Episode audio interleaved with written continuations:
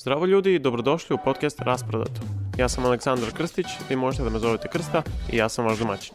Ovo je podcast u kome ja pričam sa ljudima iz različitih industrija koji se bave prodajom i otkrivam šta je to što čini dobrog prodavca. Zdravo Stefane, baš mi je drago, baš mi je drago što imam priliku da pričam s tobom. Uh, baš sam gledao dosta, dosta tvojih klipova i sviđa mi se Sviđa mi se i tvoj uh, pristup prodaji i mislim da je nešto slično onome što sam ja učio od, jel te, starijih Dobro. ljudi u ISEC-u. Pa eto sad Dobro. želim i malo više da te, da, da vidim kao tvoje mišljenje o dodatnim stvarima u prodaji, možda nešto što nisam čuo ili nešto što bi volao kao još, još više da čujem. Još dublje da... Tako okej, da, još dublje da, kako- da prođemo kroz to. Um, i, I da, ono, neko pitanje koje ja volim da pitam svakog, mislim, gosta, to jest svo troje, sad ti četvrti, da, a, je Dobro. kako si, kako si uopšte ušao u set prodaje? Ok, pre svega hvala ti ovaj, na, na pozivu, drago mi je da, da ti gostujem na podcastu. Kako sam ušao u set prodaje? Uh, jako slučajno, ja sam bio klinac, moji roditelji su držali ajde da kažemo, svoju neku privatnu ovaj, radnju i gde sam ja krenuo da, rad, da im pomažem još dok sam bio ono, kraj osnovne škole, početak srednje škole, uh, da im pomažem u direktnoj prodaji. Nakon toga sam upisao filološki fakultet iz ideologije, jel te svi sa filološkog fakulteta u jednom momentu završe u call centrima. Ja sam baš preko ISEC-a bio na Siciliji i radio sam dole par meseci neki projekat i bukvalno sam ono malo radio i pregovaranje i ovaj ajde da kažemo ostvarivanje projekta ono ne, neću da kažem kao što svi idu sa sa forum ubeđivanja ne, u prodaji nema, nema nikakvog ubeđivanja ništa od toga nije ubeđivanje ali ajde da kažemo ono pregovaranje i i uh, rad na tome zašto je to nešto ovaj dobro i zašto to nešto rešava klijentu potencijalnom klijentu ovaj problem.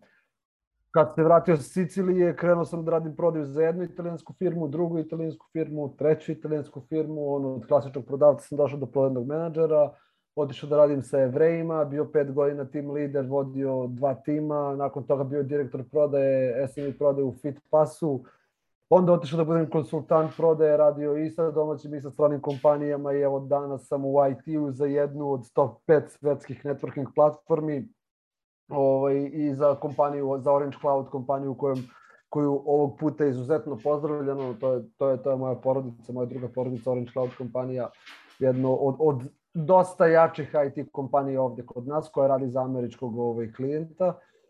Pored toga obučavam kompanije, prodavce i prodajne timove kako da što bolje da kažemo, rade ovaj, svoju vrstu prodaje i to je to. Eto. Long story short, 13, 14, možda i jače 14-15 godina kako sam ja već ono u, u prodaji, sad sam, sad sam ovde. Wow. Ima tu dosta. Dobro, taman, nećemo taman previše. imamo, taman imamo materijala za, za razgovor i to dosta Apsolutno. materijala, boga mi. A, dobro. E, ali možeš sada mi kažeš kao ko je a, razlog zašto se tebi prodaje sviđa? Mislim, već si, eto, koliko, 13-14 godina u prodaji i ko je, šta je to nešto što te, što te loži u prodaju? Uh, vrh pitanje, brate, hvala ti. Uh, ono što te loži u prodaji je pod jedan sam taj drive koji ti dobijaš u situaciji kad pomogneš klijentu. Kad vidiš Mm. da je, da je, aj kažemo da je taj klijent imao problem da si ti došao sa rešenjem, ali ne kažem kao da si ti došao ono i da mu kažeš, e, izvolite ovo, daj mi pare. Ne, nego si ti došao kod klijenta i da je klijent rekao, brate, mora da se odradi sve ovo da bi smo mi mogli da sarađujemo, jer ako uradiš sve ovo, rešiš mi svaki mogući problem koji ja sad imam u svom poslovanju i poboljš, rešiš mu ono gomilu nekih stvari koje njemu olakšaju poslovanje i olakšaju mu život. I kad dođeš do takvog rešenja, to je neopisiv boost. Ok, pare kao pare jesu vrlo bitne. Svako ko se bavi prodajom mora da voli pare. Zato Da. što su pare ono jedan, je, je, jedan od većih motivatora, ali ja mislim da preko para da je najveći motivator to što ti za, zapravo pomažeš ljudima. Evo ja i sad imam tu situaciju, dođe mi ono kompanija da obučavam njihove ljude, njihove prodavce i kažu mi koji imaju problem i ja krenem sa njima u rad i nakon mesec dana kad ti vidiš promenu, gde te gazda firme pozove i kaže hvala ti, Znači, bukvalno, hvala ti što postojiš, hvala ti što si došao, to je ne, ne, neopisivost. Tako da, dve stvari koje te lože je to da ti pomožeš ljudima, da rasteš zajedno sa tim ljudima, sa tim svojim klijentima i s druge strane, ono, pare koje zarađuješ, koje možeš da uložiš dalje u, u self-education, i ovaj, usavršavanje sebe. Mm, da, znači ima, mislim, ima ideja uticaja tu, mislim, naravno uticaja na druge ljude koji je, koji je baš nagrađujući. Apsolutno. Da. Apsolutno, Prve, prvenstveno to, prvenstveno bih rekao da je to ono, uticaj na druge ljude, brate, kad naučiš nekoga da radi prodaju, ja sam ono napravio stotine prodavaca do sad, zaposlio stotine prodavaca u različitim firmama. Kad naučiš nekog da radi prodaju, kad taj neko razume kako se radi prodaja i ode posle šest meseci, godinu dana, dve godine u neku drugu firmu i pozove me i kaže, brate, hvala ti za sve ono što si radio jer ja sad mogu da radim bilo gde. Da. Bukvalno promeniš ljudima karijeru, razumeš? Pokažeš im kako mogu da, ovaj, da napreduju i da budu bolji. Da, da, to je, da, tu se slažem, to je, to je stvarno jedna od lepših stvari. Htio sam da sačuvam ovo pitanje za, za kraj, ali kad smo već pomenuli jel te, i edukaciju i pomaganje drugim ljudima, kakav je pristup edukaciji prodavaca? Ja kao znam da, mislim, edukovanje prodavaca je mnogo drugačije nego kao druge neke edukacije, jer se mnogo bazira zajebano, previše na primjerima. Da. Jel smemo da psujemo? Hvala Bogu. mnogo zajebano. Edukacija prodavaca je zajebana stvar. Uh, ne bih da se upličem u to kako drugi ljudi edukuju prodavce zato što mislim da veliki deo toga ne funkcioniše jer ima dosta nedostataka, čast izuzetcima. Ono što ja radim i čega se ja pridržavam u edukaciji prodavaca su četiri stvari. Bukvalno pridržavam ih se kao oči u glavi. Prvo je edukuješ nekog na dobrom kontentu. Znači ti, ja kao, aj kažemo, trener prodaje, kao prodajni mentor, coach, kako god. Nisam guru, to pod, pod jedan. Nikad nisam bio guru, nikad neću biti guru. Ono, anti-guru, anti-influencer, ali ja da kažem mentor prodaje i, i, i, ovaj, i trener prodaje. Dobar kontent što znači da mora da postoji, ajde da kažemo, sadržaj koji pali, koji radi u 90% slučajeva. Nikad nije 100% u prodaji, niti će ikad biti 100% i 90% je mnogo. Znaš, ali ajde da kažemo, izvučeš neku, neku metriku gde imaš dobar kontent koji pali, pod jedan. Pod dva je repetition, ponavljanje, mhm. ponavljanje svega toga što je naučen. Pod tri je vežba i konstantan role play, i pod četiri je accountability. Ja se već neko vreme borim sa, sa, sa reči accountability, ne znam kako da je preveden kvalitetno na srpski jezik. Jel možda mi pomogne, brate? Pa neka vrsta odgovornosti, ali opet... Odgovornost, ali nije samo odgovornost, nego bukvalno da ti, te, da ti sebe držiš dovoljno, ajde da kažemo, i disciplinovanim i odgovornim da znaš šta sve u toku jednog uh, dana treba da uradiš na poslu da bi mogao da, da dostigneš određeni rezultat. Kad se ispoštuju ove četiri stvari, dobar, dobar trening ovaj, je nemirovo. Znači, bukvalno imamo good content, repetition, practice, accountability. Četiri stvari jako bitne za dobar sales trening. I mm -hmm. to je ono na čemu ja baziram ovaj svoj trening. Da, pa pretpostavljam da je ove, ova prva stvar zbog koje, mislim, radiš i na Instagramu i na, i na YouTubeu postavljaš sadržaj kao da bi, da bi se još više i još da bi... To je više, to, to je više edukacija, to je više edukacija ne. tržišta, jer u prodaji prodavci ne znaju da edukuju ljude. Jedna od bitnih osnovnih stvari u prodaji je da edukuješ tržište. Onog momenta kad edukuješ tržište, bukvalno si ih naučio da postoji rešenje za određene njihove probleme i oni će te, aj kažem, u početku zgotiviti i počet će da te prate. Kad te zgotive i kad krenu da te prate, pa su određenog momenta kad vide da to što ti zaista, da to što ti radiš zaista deluje, oni krenu da ti veruju. Tek kad ti veruju mogu da kupe i da rade posao sa tobom. Da, da, da. da. E, U suprotnom će te samo pratiti. Da, pa da, to je, to je skoro stačno. A, interesuje me sad, pošto a, ima, kako se to da nazove, a, u prodaji ima mnogo neopipljivih stvari, to jest mnogo... Dobro mnogo zavisi od toga kako se ponaša kupac ili tako nešto. Ne znam, mene interesuje kako ti najčešće radiš roleplay, pošto je to, da kažemo, najlakši mogući način da se objasni kako prodati nešto, to jest kako, kako se uopšte rade i prodaje. Mm, dobro, ajde ovako, kad kažeš mnogo zavisi od ponašanja kupca, na šta konkretno misliš? Jer se ja tu sa tobom ne bih složio, reći ti posle zašto. Mm -hmm, pa zato što, šta sam tu teo da kažem, um, nemam pojma nije šta sam teo da kažem. Imam ja nekad zaboden kad treba tako da postavljam pitanje. Um, Jasno mi je. Ajde, ajde, ajde, ajde step back, ajde step back. Ono, ne, mora. što prodavci, mora, mora step back. Mora, ono što da, prodavci ne kapiraju je da sve zavisi od nas prodavaca. U kom slučaju? U slučaju kad ti dovoljno dobro kvalifikuješ klijenta, kad vidiš da klijent ima problem koji ti možeš da rešiš, kad vidiš da klijent ima potrebu za tvojim problemom, sve zavisi od tebe. Od tebe kao prodavca. Da li će ti klijent reći hej, ajde se čujemo za tri meseca ili ajde se čujemo za dve nedelje i to čak zavisi od tebe. Jer kad mi klijent kaže ajde se čujemo za tri meseca, ja kažem ok, cool, zašto tačno treba se čujemo za tri meseca? Pa kao mm -hmm. za tri meseca ću razmišljati o ovome. Da li to znači da vam ovo sad nije uh, dovoljno veliki problem da se, da se brinete o tome sad? Pa nije veliki problem. Ok, da li to znači da uh, od danas za tri meseca može dovoljno da poraste? Može da poraste i da bude veliki problem. Ok, zašto onda rešavamo problem za tri meseca kad možemo sad da ga sprečimo da ne poraste?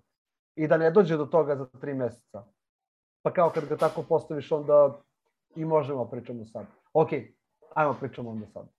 Da, da, da. To... Sve zavisi, sve, sve zavisi od nas prodavaca. Naravno, od klijenata zavisi kakve su im potrebe, šta je to što, što oni imaju od, od gorućih problema, koji je ono head on fire problem i na konto toga mi pristupamo.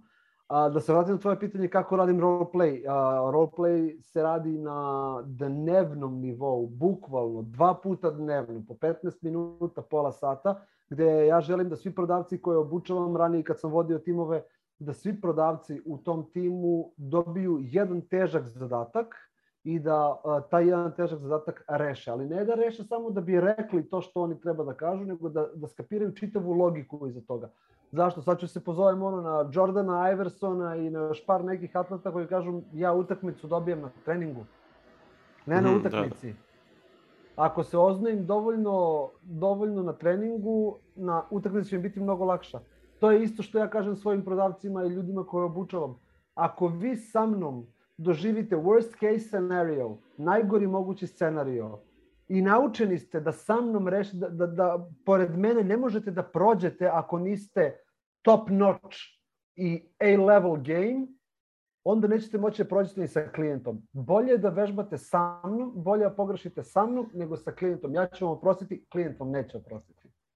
Da, da, da, to ima. Znači, najteže stvari, one koje se dešavaju, dešavaju se obično na, na tim simulacijama, to jest na roleplayu. Dešavaju se na roleplayevima, tako je, tako da. je, tako je. Najteže stvari se dešavaju na roleplayevima i ovaj, bukvalno kogoda, kogoda obučavam, kogoda mi dođe, u jednom momentu kaže, da li, mi, ja nikad nisam dobio na, na telefonu tu situaciju. Kažem, pa neće ni dobiti. Zato što si ti posle mesec dana ili posle dve nedelje naučen da zaobiđeš takvu situaciju, jer sam te ja naučio kako da je zaobiđeš da nisi naučen, dobio bi tešku situaciju. Ovako ćeš tešku situaciju dobiti sa mnom. I da, rešit da. ćeš je. I sledeći put kad prepoznaš trigger koji može da izazove takvu situaciju, nećeš dozvoliti da ode u tu stranu. Da, da, da, jasno, jasno. Koliko dugo obično tvoji treninzi traju? Jer kao, da li postoji određeni period ili konstantno zadaješ zadatke da bi oni konstantno radili na tome?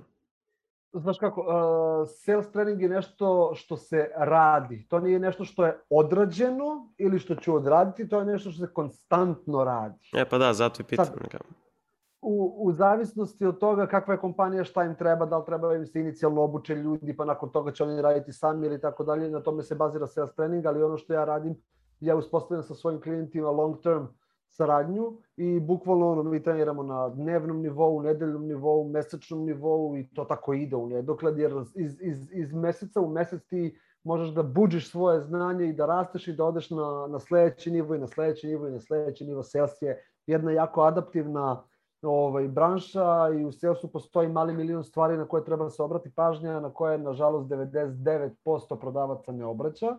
I sad ću da ti kažem direktno zašto, verovatno će mnogi da me mrze posle ovoga i da me ispljuju, ali 99% prodavaca ovde plasira outdated strategije koje ne mogu da upale ni u jednom momentu sem na nesofisticiranim prospektima. Tačka. I ja mhm. čvrsto stojim iza toga i svako ko misli suprotno može da dođe, ja sam otvoren za debatu, možemo da pravimo debatu i da vidim ko šta ima da kaže na ovu temu. Mhm. A recimo, mislim, na šta, mislim, kako, koje su recimo to strategije koje ne pale? Pa ovako, ne pali, ni, ni u jednom momentu danas neću paliti halo, dobar dan Stefan, halo, dobar dan Stefan ovde, Marko, kako ste danas? To neću paliti. Znate, ja vas zovem zato što mi uh, smo jedna od kompanija koja je 25 godina na tržištu, imamo 100.000 miliona uh, klijenata, svi naši klijenti su zadovoljni, naše usluge su predivne, ajde da kupite. To ne pali. A to Mhm. mnogi rade.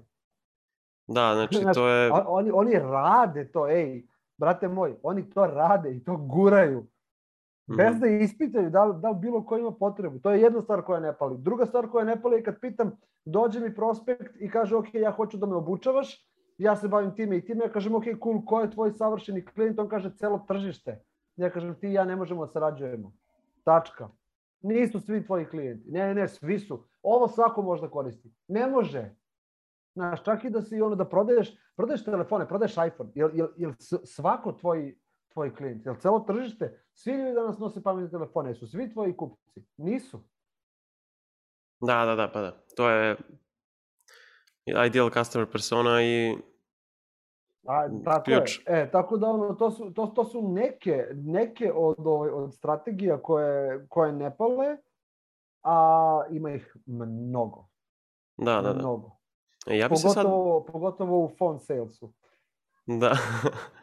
ja bi se sad vratio na, na jel te, prvu strategiju koja ne pali i evo neki tvoj predlog kako bi to moglo da se ispravi, odnosno, pošto znam da gotiviš dosta cold calling, ja recimo Apsolutno.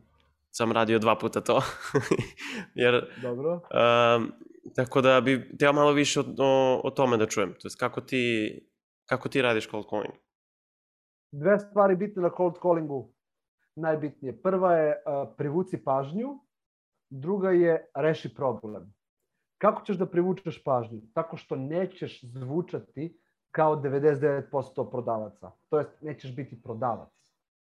Prodavci su ljudi koji ne prodaju. Prodavci su ljudi koji razumeju materiju, eksperti su u niši i u industriji u kojoj se nalaze i savetuju, konsultuju potencijalne kupce kako da reše što bolje svoj problem uz pomoć usluge ili proizvoda koji prodaju. Ako ja tebi ne mogu da rešim problem, neću ti prodati bilo šta. Da, da, da smo odmah načisto. Tako da, kako ćeš rešiti, kako, kako nećeš zvučati kao svaki, kao svaki drugi prodavac, kao 99% prodavaca. Prodavci imaju template i tam, taj template diktira a, gornju inflekciju, to, je, to znači da, da su konstantno veseli, konstantno su Mm, nasmejani, Da. konstantno su buddy buddy, odnosno ovaj, drugarski odnos, bla bla bla truć. I onda zvuče, halo, dobar dan, Stefane, Milan ovde iz XY kompanije, kako ste danas? U tom momentu se meni pali lampica da taj neko hoće da, da mi proda. Kad mi kaže gospodine Stefane, to je trigger. Kad mi kaže uh, Stefane, kako ste danas, to je trigger. Kad mi uleti presrećan i preradostan sa gornjom inflekcijom, to je trigger. To je defaultno ponašanje prodavaca. To se, to se radilo pre 30 godina, kad je postojala piramidalna i ponci šema i dalje ljudi furaju ponci šemu, ne znam iz kog razloga, i dalje furaju taj buddy-buddy odnos i taj ono kao srećni smo, sad ćemo mi ono da pričamo o vremenu. Ne, promenilo se vreme. Danas treba da poštuješ tuđe vreme, što znači da kad ti, kad ti se osoba javi, svaki cold calling je uznemiravanje. Ti radiš, ja te zovem na poslu, uznemiravam te. Da li želiš da čuješ pitanje s moje strane kako ste danas i da budem presrećan kad te to pitam? Ne. Ne želiš da čuješ, brate. Ono što želiš da čuješ je zašto te zovem. Tako da je a, moj, moj pristup tu, halo, dobar dan, Milane, da, Stefan ovde iz XY kompanije, imate minut.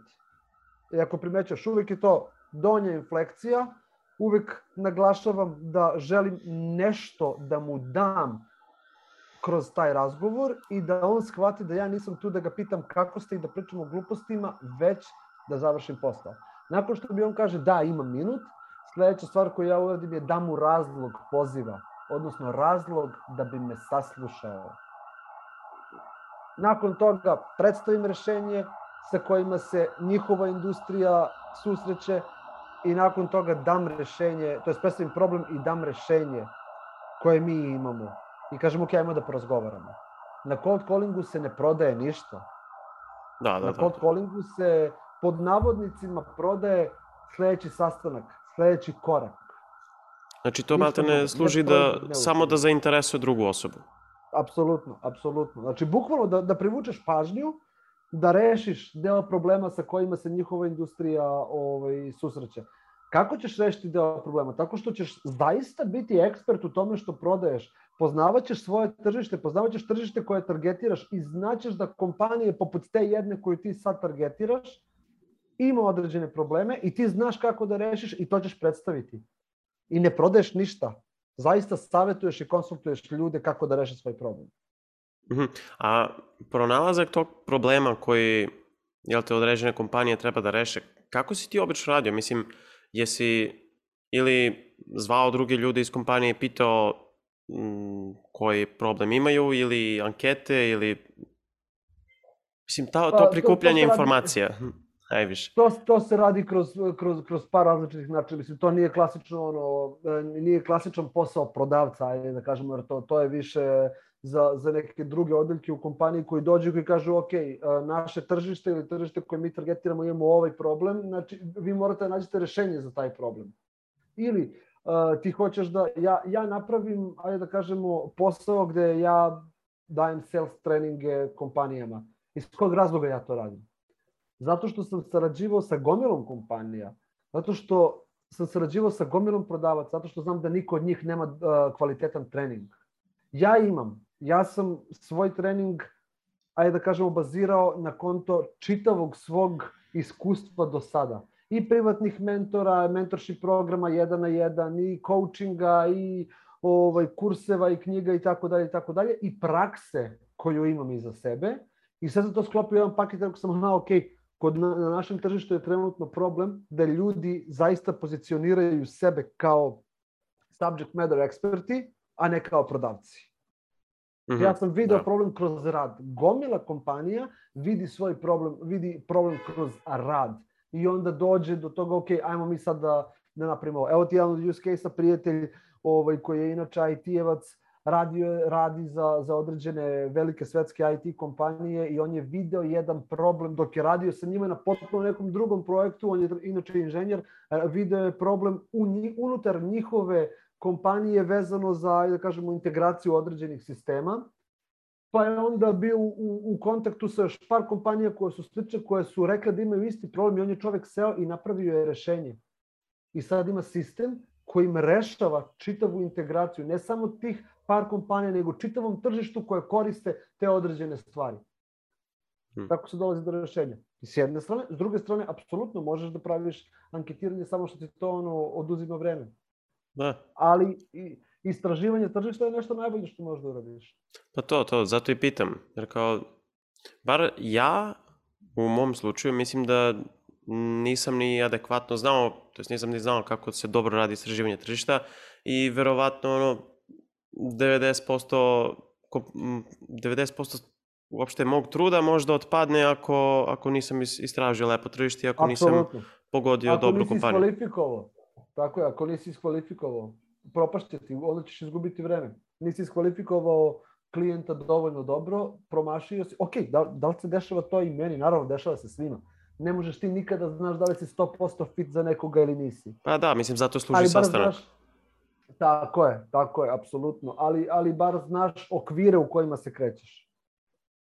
Da, da, da, da, pa da, zato i postoji ideal customer persona i sve što Absolutno. može da se sazna pretpostavljam pre sastanka se traži, a sve što se saznaje na sastanku je ono da li sarađujem ili ne. Uh, Apsolutno. Mene sad zanima u toku sastanka, ono, ko je na neki, tvo, na neki način tvoj sales flow? Mislim, kako teče sastanak? Dobro. Na, na prvom sastanku, kad, kad zakažemo prvi sastanak? Da. Ok, pa ono što ja radim je bukvalno, ja, ja ih obavestim da ja ne pričam o svojoj kompaniji, ne pričam o svom proizvodu i ne šerujem PDF prezentaciju koja traje pola sata da oni vide šta to moja kompanija radi. Ne, zato što se na tom prvom sastanku ne radi o mojoj kompaniji. Na tom prvom sastanku se radi direktno i konkretno o klijentu. Šta je to što oni rade, šta je to što su poteškoće, eto vidiš, to ti je jedan od načina kako saznaš probleme. Šta je to što su potencijalne poteškoće, a red flag ili, ili neki izazovi sa kojima se oni susreću koristići sličnu uslugu koju ja trenutno prodajem i, ovaj, i gde je to gde bih ja u potencijalu mogao da im pomognem. Pa kad oni ispričaju sve to, gde oni žele da budu, šta je to što njih muči, šta je to što njima treba i šta je to što njih drži budnima u toku noći, E onda ja nakon toga vidim, aha, ok, ima smisla da ti i ja nastavimo razgovor ili, nažalost, ja ne mogu da vam rešim problem, možda možemo se čujemo kroz par meseci kad, kad se bilo šta promeni sa moje ili sa vaše strane i to je to. I kad mi to kažu, ja bukvalno ono, vrlo kratko saopštim kako mi rešavamo taj problem i mi zakažemo sledeći poziv. Jer na tom prvom mm -hmm. pozivu nema, nema preterano prostora za, ovaj, za... To će onda biti ono, pušovanje Znaš, konstantno da guraš nekog, guraš, nema potrebe za tim, prodaje se više ne radi tako. To je, prvi poziv je discovery ili istraživanje. Gde ti bukvalno želiš da, da što više saznaš o klijentu, da bukvalno vidiš sitnice koje njega muče i da vidiš da li ti možeš da mu pomogneš. Kad si siguran u tom inicijalnom delu da možda mu rešiš bar jedan deo problema koji on ima, e onda nakon toga zakažeš sledeći put i kažeš ok, ajmo se čujemo još jednom, ja ću da pripremim sve ono i sve, sve one segmente use case-eve gde ja vama mogu da pomognem i da vam to objasnim, da porazgovaramo, da popričamo, da vi vidite da li se uklipamo i nakon tog demo poziva ćemo vidjeti kako ćemo dalje. Aha. Ok, može, cool. Bukvalno na Discovery pozivu zapišem sve to što mi klijent kaže, sednem, napravim strategiju, ok, ovde možemo pomognemo ovako, ovako i ovako. Naravno, opet ti kažem, na, na, na tom prvom inicijalnom Discovery pozivu a, treba da im se kaže da mi možemo da pomognemo, to je da ti kao prodavac možeš da pomogneš, da tvoja firma može da pomogne, ali nećeš ići ono, e sad mi ćemo rešiti ovo, mi ćemo rešiti ovo, mi ćemo rešiti ovo. Ne, nego kažeš, ok, mi smo to rešavali ovako i ovako. Mi ovo rešavamo ovako i ovako. Ono što bih ja voleo da uradimo je da organizujemo jedan poziv gde ću vam ja na konkretnim primerima pokazati kako je to što smo mi uradili rešilo problem i kako će vama rešiti problem. Znači, bukvalno na, na, na konkretnom use case-u ok, cool, može, zakažemo sledeći poziv, na sledećem pozivu bukvalno ono, demonstriraš rešenje problema i ideš dalje u pregovor. Mhm, mm jasno. Znači, nisam ja nikad razmišljao tako, mi smo obično radili malo drugačije. Mislim, jesmo mi ispitivali potrebe, sad kako se to radilo, ja nisam siguran, ne znam da li se Dobro. to baš i najbolje radilo. Uh, I onda smo obično posle toga išli u sam pitch i, i onda nakon toga, nakon toga u, kao neki objection handling, ono su sva pitanja koje oni imaju da pitaju nas. I sad me baš interesovalo kako ti radiš to, jer, jer pretpostavljam da je, da je naš, mislim, naš način da nije savršen, mislim, nije savršen, to se, i, to se Dobro. vidi kroz, kroz naše brojke, pa me baš interesovalo to kako ti radiš, do sad, mislim da sam samo jednom čuo od od jednog alumnija ISEC-a da slično tako radi, to je da je prvi sastanak da se vrlo, vrlo malo uh, pičuje, nego da se mnogo priča o kompaniji, da se mnogo postavlja pitanje. Nema pičovanja. Uh, kad mi kažeš pitch, znači meni je pitch jako negativna reč. Kad meni prodavac pomene pitch, ja sam u fazonu, ok, ovaj hoće da na kvarno navuče klijenta da kupi bilo šta. Da odradi i ono jednokratnu prodaju, I to je to. Pitch kao pitch, klasičan. Ja to nemam. Znači, ono što ja radim je, ok, da li postoji možda određeni hook na cold callingu gde će njega zainteresovati da, da te razlikuje od drugih prodavaca? Da, postoji, ali ne u negativnom kontekstu. Nakon sastanka, ti na sastanku slušaš šta klijent priča, postavljaš teška i direktna pitanja da bi ti klijent dao dobre informacije, da bi ti kroz te informacije mogao da doneseš zaključak da li ti jesi fit za tog kupca ili nisi fit i vice versa. Da li on jeste fit za tebe ili nije fit. Nema tu priča. U mojoj branši, u, u mom svetu je sve to jako transparentno. Ja sedim sa ljudima ovako kao što sedim s tobom i pričam otvoreno i kažem slušaj, ajde mi da zaboravimo čitavu sales priču, ajde da se ne pičujemo, ajde da, da ne radimo sales, ajde da vidimo da li zaista ja vama mogu da pomognem. Pa znaš kako, mi imamo određeni problem koji do sad nismo rešili. Znači, moj pod navodnicima pitch bi tu bio cool. Ako ja uspem da ti rešim problem u naredne dve nedelje, da li ćeš mi dati nakon toga ovaj, bar jedan deo svog poverenja da ti pokažem šta zaista mogu da, da uradim za tebe? To je ceo pitch.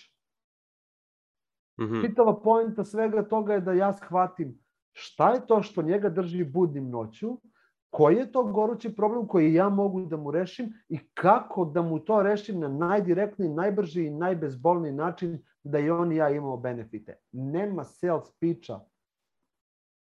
Da, sad baš vidim, to je drugačije, mislim, mnogo drugačija filozofija nego, mislim, nego klajde klasična, ali i, i recimo ovo što sam, što sam ja učio, jer baš je više savjetodavno nego... Brate. Da, da, da, i onda sad, mislim, sad, sad skoro skapiram, mislim. Uh, ali da, imam još, još, mislim, par pitanja koje su vezani za nakon sastanka, kao follow-up, šta se dešava nakon toga. Uh, da li obično zakazuješ, zakazuješ follow-up sastanak odmah nakon inicijalnog sastanka? Da, u, uh, zavisi uh, od toga kakva je bila situacija na tom sastanku. Opet sam ti rekao, ne, ne zavisi samo od klijenta, zavisi i od mene, ali zavisi od čitave situacije. Ono što ja radim na svakom sastanku sa svakim prospektom, ja moram da imam next step. Mm -hmm. Koji je sledeći korak? Ako je taj klijent nezainteresovan i sa razlogom je nezainteresovan, nezainteresovan je zato što ja ne mogu da mu pomognem, zato što moje rešenje njemu ne donose nikakav benefit. Ok, sve je to legitimno, sve je to super. Koji nam je sledeći korak odavde? Pa sledeći korak je da me kontaktiraš za šest meseci ili za tri meseca ili da me kontaktiraš onog momenta kad budeš imao ovo što meni treba. Da ne kažem, aha, ok, cool. Znači, ja sad sa tim informacijama idem kod svog produkt departmenta i kažem, ok, imam feedback od poslednjih, od poslednjih 10 prospekata da mi nemamo ovu jednu stvar koja njima deal breaker. Znači, mi ovu stvar moramo da stavimo na svoj roadmap. Onog momenta kad tu stvar stavimo na roadmap i kad je odradimo, ja se vraćam kod prospekata koji su tražili to nešto i kažem, e, imam ovo što si mi tražio, ajmo razgovaramo. Mhm. Mm da, jasno. A, Znaš, jel ti se... ako je, ako je klijent, kaži. A, ba ne, te, teo sam da pitam, ako tipa, da, jesi imao nekad problema da ti kao uopšte ne odgovaraju potencijalni klijenti? Kako kao, je, kao, čućemo se, o, dobro, čujemo se za dve ne. nedelje i onda šalješ mailova i šalješ ili, ne znam, ne, ne, poruke. Ne, ne mailove i mailove, pošaljem jedan mail, drugi mail i u trećem mailu pošaljem gif jigsaw ispod kog piše let the game begin. Onog momenta kad me ghostuješ, vidit ćeš da tad tek počinje igra. Ono što je moja premisa je, mene ne možeš da ignorišeš. Možeš da mi ne odgovoriš, ne možeš da me izignorišeš. Evo ti use case. Pišem, uh, pošto ja kao, kao outreach strategiju koristim tri različita kanala. Koristim cold calling, koristim email i koristim LinkedIn. Email i LinkedIn su mi ono backup varijante, to mi je 20% outreach kanala, uh, mm -hmm. cold calling mi je 80% svega, svega što radim. I cold calling ima najviše, najviše uspeha, da ti sad ne zalazim da ne širim pitanje, o tome možemo kasnije da pričamo. Ovaj, uh, do, prepisujem se sa, sa, sa osobom, sa prospektom na LinkedInu. Jedna poruka ništa, druga poruka ništa, treća poruka ništa. Ja mu pošaljem ovaj poruku, ok, samo da vidim da li ti ove poruke stižu, ne razumem. I vidim da mu poruka stigne. I nakon toga pošaljem sliku debelog nekog gmaza koji sedi ovako, drži prekrštene, prekrštene palčeve i ispod napišem ovo sam ja čekajući tvoj odgovor. I lik mi na to odgovara, znači bukvalno prvo, prvo ono, se umre od smeha, kao ha ha ha, koji si ti car, a s druge strane, izvini, jako mi je neprijetno što ti do sad nisam odgovorio. I ja bukiram takvog klijenta. I taj klijent uđe u proof of concept i dođe da testira mm -hmm. platformu. Wow. s, druge, s, druge strane, s druge strane sam imao ovaj, situaciju pre dve nedelje gde mi je klijent na drugi ili na treći mail koji sam ja poslao odgovorio Stefane, sad ću lično da te stavim u spam, nadam se da će mi ovo pomoći, hvala za mailove, prijatno. Na što mu ja odgovaram, hvala ti, ovo nije spam, ove mailove ja pišem ručno jer želim da razgovaram s tobom, ajde da organizujemo sastanak od 30 minuta da vidiš koliko sam zapravo real i koliko zapravo nisam spam i da vidiš da vrednost koja, koju nosim tebi je ista vrednost koju, je, koju sam donao tvojoj konkurenciji. Javi mi se ako hoćeš, pozdrav Stefan. Nakon sat vremena on meni odgovorio, hm, hvala ti na ovome, poštojem to što manuelno ovaj, pišeš mailove, imam tri slota ove nedelje za tebe, sutra, prek sutra i u petak, kad hoćeš. Ja mu kažem, ajmo sutra, on kaže, ajde. Nice. Gostovanje je ok kad, kad neko, kad ne znaš kako, kad ne znaš da budeš kreativan. Znaš, uh, tipa, me, go, gostujete i onda ostavljaš voice mailove. Ja ostavim jedan voice mail, drugi voice mail, treći voice mail je hej, Marko, Stefan ovde, bukvalno sam sagradio takav relationship sa tvojim voice mailom da, da počinjem da se osjećam prijatno pričajući sam sa sobom. I nastavit ću ovako dok mi se ne javiš. Veliki pozdrav. O je. No se javi, postoji i kao, i kao umiro od smeha, kao brate ti si lud. Znam, Znači treba biti malo, treba biti lud, brate. a malo ono, Nekonvencionalan. ne, da, e, da, nisam baš imao reč za to, ali da, nekonvencionalno.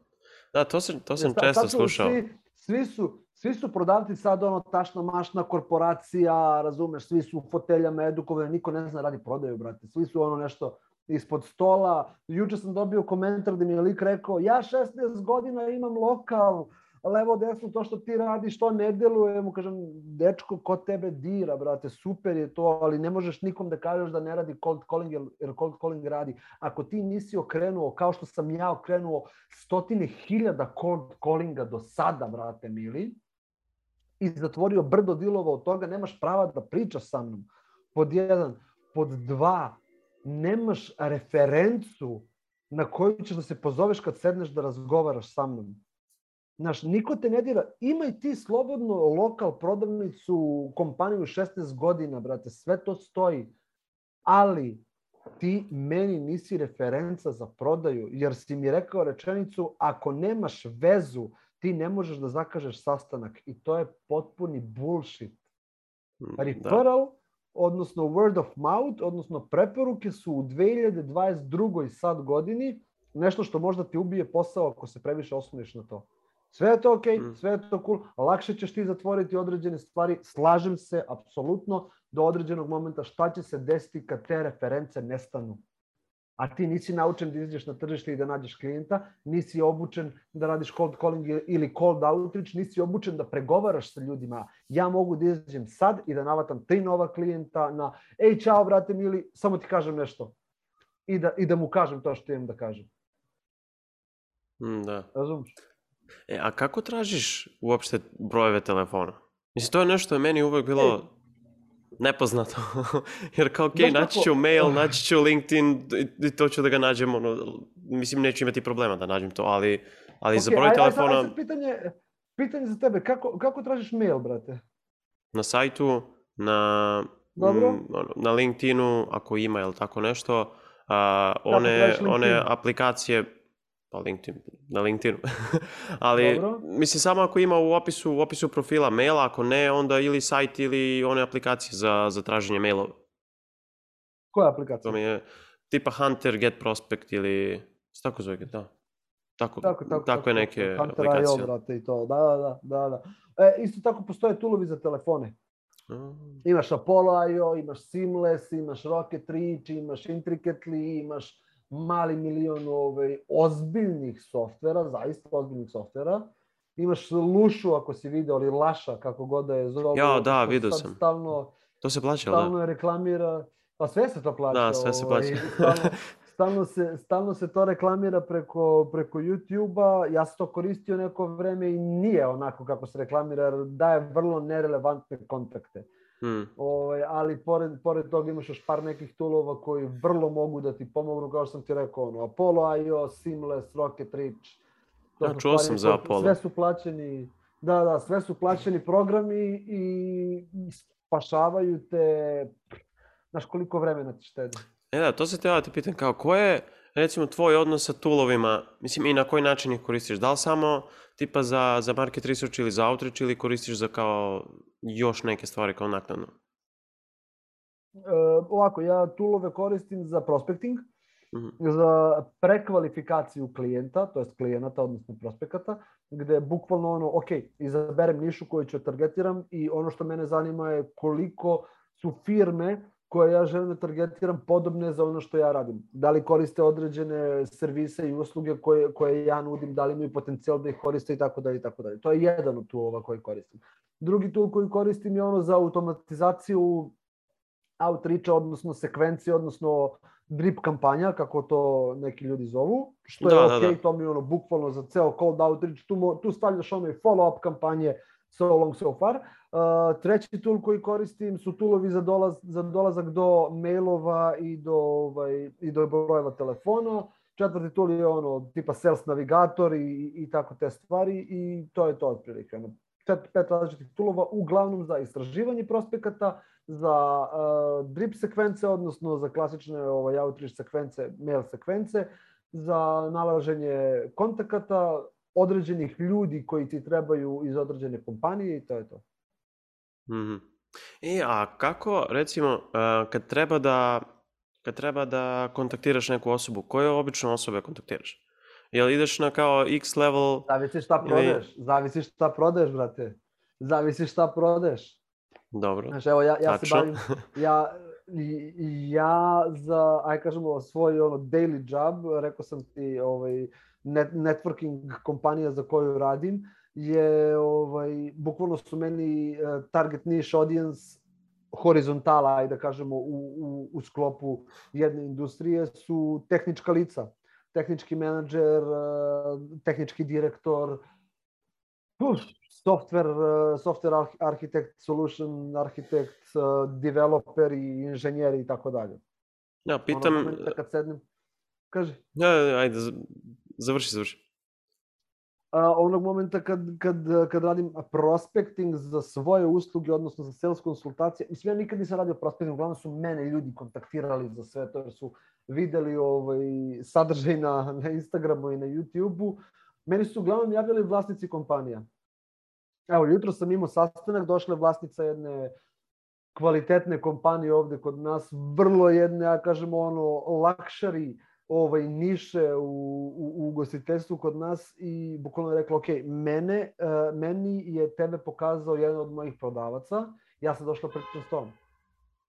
Na što tiče IT kompanija, pošto obučavam i IT kompanije, mahom me vlasnici kontaktiraju, pa tek onda idem da pričam sa sales menadžerima, sa, sa prodavcima i tako dalje, tako dalje. Zavisi šta prodaješ. Jer svaka svaka usluga, svaki proizvod ima svoju vertikalu, odnosno industriju u kojoj se kreće i u sklopu svake vertikale ti imaš horizontalu, odnosno decision makere ili influencere ili ambasadore koje ćeš da kontaktiraš vezano za, ovaj, za uslugu.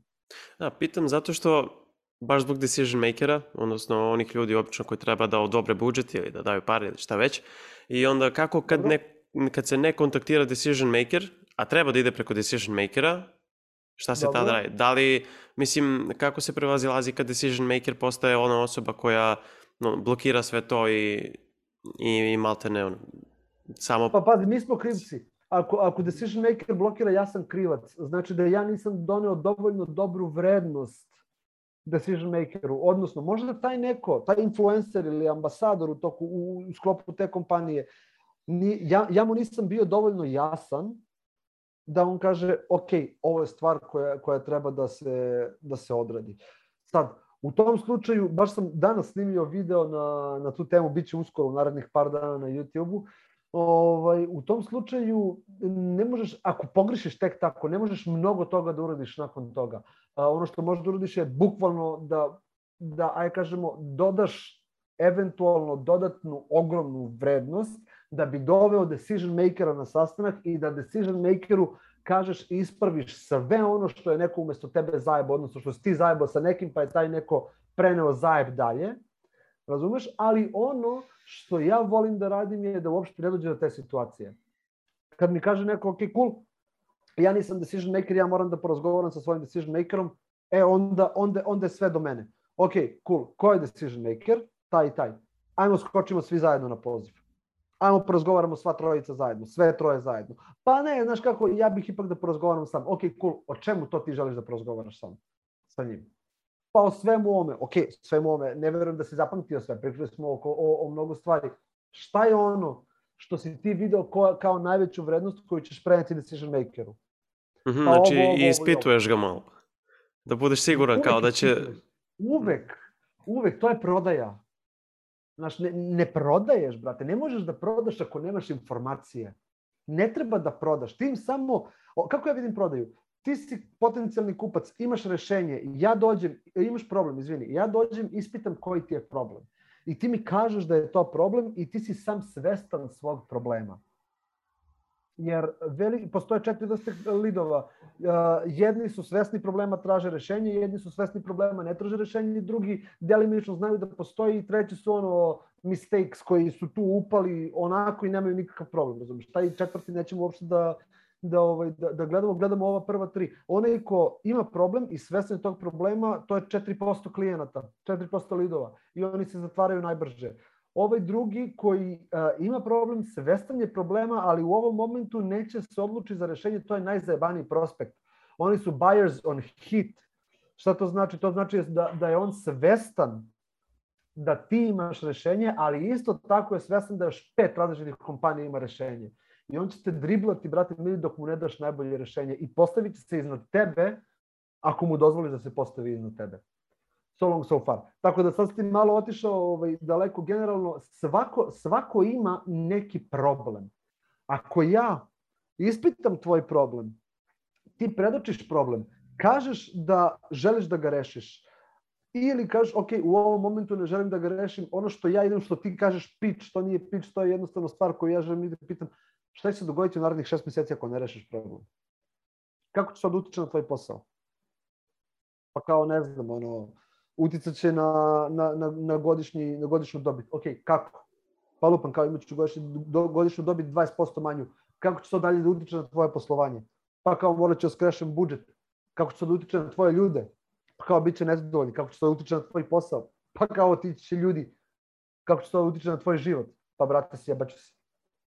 Ok, ti si dao sebi jedan problem, ako ga ne rešiš, stvorit ćeš sebi niz problema ja ti dajem rešenje problema. Ti hoćeš da ga uh, bypassuješ, da ga zaobiđeš i da produžiš svoj problem. Gde ti je tu logika? Pa kao nema logike. Self-explanatory, brate. Ajde onda ti pomognem da rešiš problem, da ne brineš više o tome. To je prodaja, brate. Mm, znači, malte ne coachovanje, coachovanje potencijalnih klijenata da sami skontaju, ne, da mi, ne mi da njima pričamo. Upravo to. Upravo da. to, brate edukacija. Da, edukacija da, da. tržišta, celog tržišta. Znaš, jer će na kraju dana svi ti ljudi biti tebi zahvalni. Biću u fazonu, brate, hvala ti. Znaš, pomogo si mi. I napravili smo long term, long term relationship i tako dalje, tako dalje. To su neke stvari koje ja konstantno potenciram I mislim da ih ljudi ne razumeju, jer ne razumeju logiku, ne razumeju zašto ja pitam čoveka jel imate minut. A brate, ako, ti, ako nema minut, ti si se sjebao. Ne, brate, nisam se sjebao. Ako nema minut, ja neću da ulazim u razgovor sa njim. Zašto? Zato što ja nemam njegovu pažnju. Zašto bih išao u razgovor s nekim čiju pažnju nemam? Ne ulazim u razgovor, ući ću u razgovor s njim za dva dana, za tri dana, za dva sata, kad imam njegovu pažnju ću da pričam. Ako nema minut, neću pričati. A onda si izgubio prospekta. Nisi izgubio, nego druže, ti ne znaš da radiš ovo. Znaš, nije logika da pozoveš sto ljudi i da ih vučeš za rukav. To nije logika prodaje, brate. Ne razumeju. Zato sam ja tu, vrate. Bukvalno jedan od mojih ciljeva, ne, ali bez zajebavanja, znaš koji je jedan od mojih ciljeva? Ne, ne da ja sad kao ono, navatam milijon kompanija i da zaradim brdo para i da se ono, da, da pišem po sirotinji, brate. Nije, nije mi to apsolutno cilj. Moj cilj je da kad ja kažem da sam prodavac i kad ti kažeš da si prodavac, da ti ne dođe srednjove, srednjovečna žena i da ti kaže a, zbog vas ja ne mogu da spavam u tri popodne jer ne zovete da mi prodate čebe ili, znaš, ne, ne želim da, da me kategorizuju tako, brate. Jasno. I ako, ako, da. ja, ako ja mogu da... Pa, nešto ti je, jebi ga, jeste nešto mi je istinito. Istina, skroz istina, da. Ako ja mogu da pomognem prodavcima da oni bukvalno sebe pozicioniraju na potpuno drugačiji način i da prodaja nije ružna reč, kad kažeš čime se baviš, bavim se prodajom, da to nije, e, ja ću da ti uvolim nešto, zaradim pare, ove sve će biti svima, svima mnogo lepši. Jasno, jasno. Dobro. Mislim, ja nemam više pitanja i taman mislim da je ovo jedan od lepših načina završiti ovaj razgovor, jer mislim, svakako je meni dosta značio, nadam se da će značiti drugim ljudima koji slušaju ovo. Mislim, ja prvenstveno ovo radim da bi, da bi i ja nešto naučio, ali kao kad već pričam s ljudima što ne bi snimio, pa kao da i drugi ljudi nešto nauče. Uh, tako da hvala ti puno. Apsolutno. Uh, hvala tebi, brate. I, I to je to. Čujemo se. Hvala ti, hvala ti puno, čujemo se, vidimo se. Hvala puno što ste slušali, nadam se da ste uživali. Ukoliko imate neki predlog ili ideju, slobodno mi pišite, pa se mi čujemo uskoro. Ćao!